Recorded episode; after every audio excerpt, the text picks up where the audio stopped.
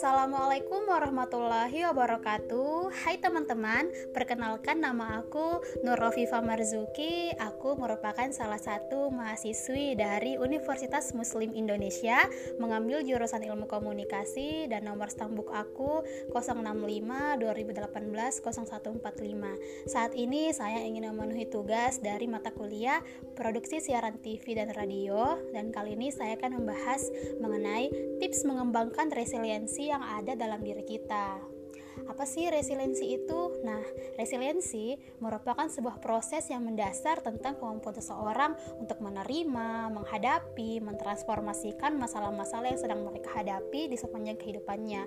Jadi, uh, resiliensi itu dapat digunakan untuk membantu seseorang yang sedang menghadapi situasi sulit serta digunakan untuk mempertahankan dan meningkatkan kualitas hidupnya. Jadi, pada dasarnya itu ya, resiliensi merupakan suatu eh, hal-hal yang ada dalam diri kita itu untuk tetap tenang ketika ketika berada di bawah tekanan.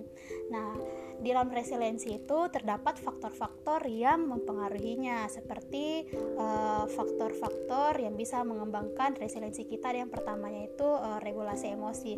Kenapa regulasi emosi dapat meningkatkan uh, meningkatkan resiliensi kita. Jadi regulasi emosi ini uh, di saat kita tuh pernah rasakan gak sih yang namanya marah, kecewa, kesal. Namun saat kita mengungkapkan emosi itu kita melampiaskannya kepada orang lain. Jadi itu dapat merusak uh, dapat merusak diri kita maupun dengan merusak kepercayaan orang lain kepada kita bahwa oh, saat pelampiasan emosinya itu malah kita melibatkan orang lain gitu. Nah, di sini pentingnya regulasi emosi membuat kita bisa mengekspresikan emosi yang positif. Oh iya, emang ada emosi yang positif. Iya, jelas ada emosi yang positif itu seperti uh, saat kita menghadapi situasi marah, kesal, itu kita uh, bisa mengontrol sisi positif dari permasalahan yang kita hadapi. Oh, kita melihat nih sisi positif masalahnya itu apa? Oh, mungkin saya bisa uh, ambil eh, hal-hal uh, yang positif dan mencari solusi yang tepat ketika menghadapi suatu persoalan tersebut. Di, jadi di sini tuh kita tidak merugikan diri sendiri maupun merugikan orang lain. Selanjutnya, faktor yang bisa mengembangkan resiliensi kita tuh ada yang namanya self efficacy. Nah, self efficacy ini kan merupakan satu pengungkapan diri di mana uh, merupakan satu keyakinan bahwa uh, kita bisa ini memecahkan masalah secara efektif karena pada dasarnya setiap individu punya pertahanan dirinya masing-masing. Dalam artian self efficacy ini membantu kita untuk uh, menilai bahwa uh, saya bisa memecahkan masalah ini secara efektif. Mungkin kita pernah menghadapi suatu uh, tantangan atau rintangan yang amat sulit seperti kita harus mengejar deadline tugas yang uh, terbatas waktunya gitu ya. Uh, di sini tuh perlu self efficacy untuk membantu kita tetap tenang ketika menghadapi masalah tersebut. Misalnya kita membuat uh, beberapa strategi untuk menyelesaikan tugas tersebut. Dalam artian kita bisa membuat manajemen waktu. Seperti uh, oh di jam sekian aku mau ngerjain tugas A di jam sekian aku mengerjain tugas B. Jadi uh, manajemen manajemen waktu ini sangat berguna bagi kita dalam uh, menghadapi suatu permasalahan yang kita hadapi begitu. Nah, ini pun penting banget self efficacy karena uh, saat seseorang punya self efficacy kepada dirinya itu maka ia siap ia mudah ia mudah menghadapi tantangan saat ada hal-hal yang menim yang uh, datang kepada dirinya dan dia bisa mudah untuk menghadapi hal tersebut. Dia tidak merasa ragu dia memiliki kepercayaan yang tinggi dan penuh dengan kemampuan dirinya. Jadi teman-teman harus bisa nih meningkatin self efficacy itu tips dari aku.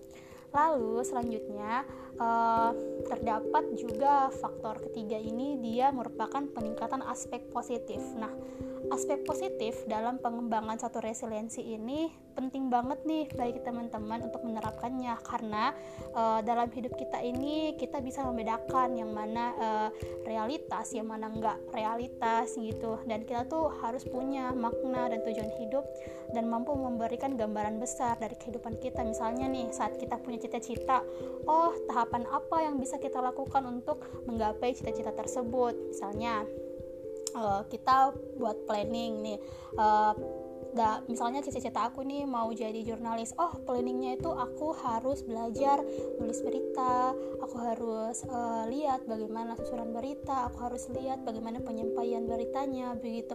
Jadi tahapan-tahapan ini dapat membantu kita untuk uh, mencapai cita-cita kita lebih mudah kita bisa paham kita bisa mengimplementasikan ilmu kita kepada hal-hal yang uh, bermanfaat bagi diri kita. Nah di sini selain itu juga pentingnya kita uh, menentukan lingkungan yang sehat yang positif bagi diri kita. Karena uh, lingkungan juga membantu kita untuk menggapai cita-cita kita seperti lingkungan keluarga yang penuh dengan support system tentunya uh, yang mendukung cita-cita kita dan mendukung keinginan kita dan sebagainya. Di situ pun penting. Nah selain itu uh, ada nih pemberian motivasi kepada diri kita sendiri. Uh, dalam artian saat kita mau menggapai cita-cita itu kan perlu tahapan perlu proses yang panjang. Uh, saat kita dalam kondisi yang lelah kita memberikan motivasi kepada diri kita sendiri bahwa uh, terima kasih untuk sudah melangkah sejauh ini terima kasih untuk tidak berhenti terima kasih untuk di setiap tahapnya ini kita mampu menjalaninya gitu. Jadi uh, rasa syukur itu perlu ditanam kepada diri kita bahwa uh, uh, kita bisa menghadapi hal tersebut kita bisa meningkatkan aspek-aspek positif yang ada dalam diri kita. Nah karena uh, saat kita bisa meningkatkan aspek positif ini kita bisa lebih mudah untuk menghadapi persoalan hidup permasalahan hidup dan berperan untuk meningkatkan kemampuan intrapersonal kita saat mengendalikan hal-hal yang uh, datang kepada diri kita dan kita bisa menghadapinya gitu Nah, langkah selanjutnya nih ada yang namanya optimis, di mana nih uh, seseorang yang punya resiliensi kepada dirinya itu dia bisa memiliki uh, harapan di masa depan. Dia percaya bahwa dia bisa uh, mengontrol arah hidupnya dibandingkan individu-individu yang pesimis. Jadi di mana uh, individu yang optimis ini lebih sehat secara fisik, lebih sehat secara mental, dia lebih produktif di lingkungan kerjanya. Jadi teman-teman uh, pentingnya uh, resiliensi ini dalam pengembangan diri kita ini karena uh, selain dari membantu kita untuk menggapai apa yang kita inginkan, kita juga bisa lebih ber, bersikap bijak bahwa uh, oh kita bisa menilai ini yang gak baik, ini baik, ini uh, sangat membantu bagi saya, ini ini sangat bermanfaat bagi saya, begitu. Nah di sini tuh kita percaya bahwa sikap optimis ini uh, kita bisa menangani masalah-masalah yang di masa yang akan datang dengan sikap yang optimis yang kita terapkan pada diri kita. Selanjutnya ada yang namanya empati. Nah, empati ini perlu saat mengembangkan uh, resiliensi yang ada dalam diri kita. Dalam diri kita ini kita mempunyai kita harus mempunyai rasa empati kepada orang lain. Saat orang lain menghadapi satu permasalahan, kita memberikan support system kepadanya. Kita memahami bahwa uh, memahami uh, bahwa orang lain punya masalah, kita memberikan motivasi, kita memberikan rasa empati kita, uh, memahami apa yang ia rasakan dan memberikan motivasi untuk tetap semangat begitu kepada teman-teman kita. Nah, uh, aspek yang bisa kita bangun ini dalam resiliensi kepada diri kita ini yang pertama ada yang namanya caring relationship, yang mana ada dukungan cinta yang kita sadari dari orang lain tanpa syarat dalam artian dukungan cinta ini seperti uh, kasih sayang ke orang tua kepada kita, kita bersyukur, kita uh, diberi kasih, sayang kepada orang tua, kita uh, begitu pula kita menyayangi kedua orang tua kita. Jadi ikatan rasa cinta ini bisa membantu uh, bisa meningkatkan hal-hal yang positif kepada diri kita kita bisa lebih semangat menjalani hari-hari dan sebagainya gitu. Jadi emang kalau resiliensi ini sangat penting untuk peningkatan hal-hal yang lebih positif kepada diri kita agar agar uh, rasa-rasa sedih rasa cemas rasa ragu itu bisa kita uh, hadapi dengan proses resiliensi gitu. Nah ada sepatah quotes dari aku uh, terakhir. Jadi gini ini Pergilah dengan penuh percaya diri menuju impianmu, jalan hidupmu yang kamu bayangkan. Jadi, kepercayaan diri yang kamu miliki akan membawamu langkah tanpa ragu menuju impianmu. Di saat kamu sudah memiliki rasa percaya diri ini, kamu tidak akan lagi goyah dengan apa yang orang lain katakan tentang mimpi kamu.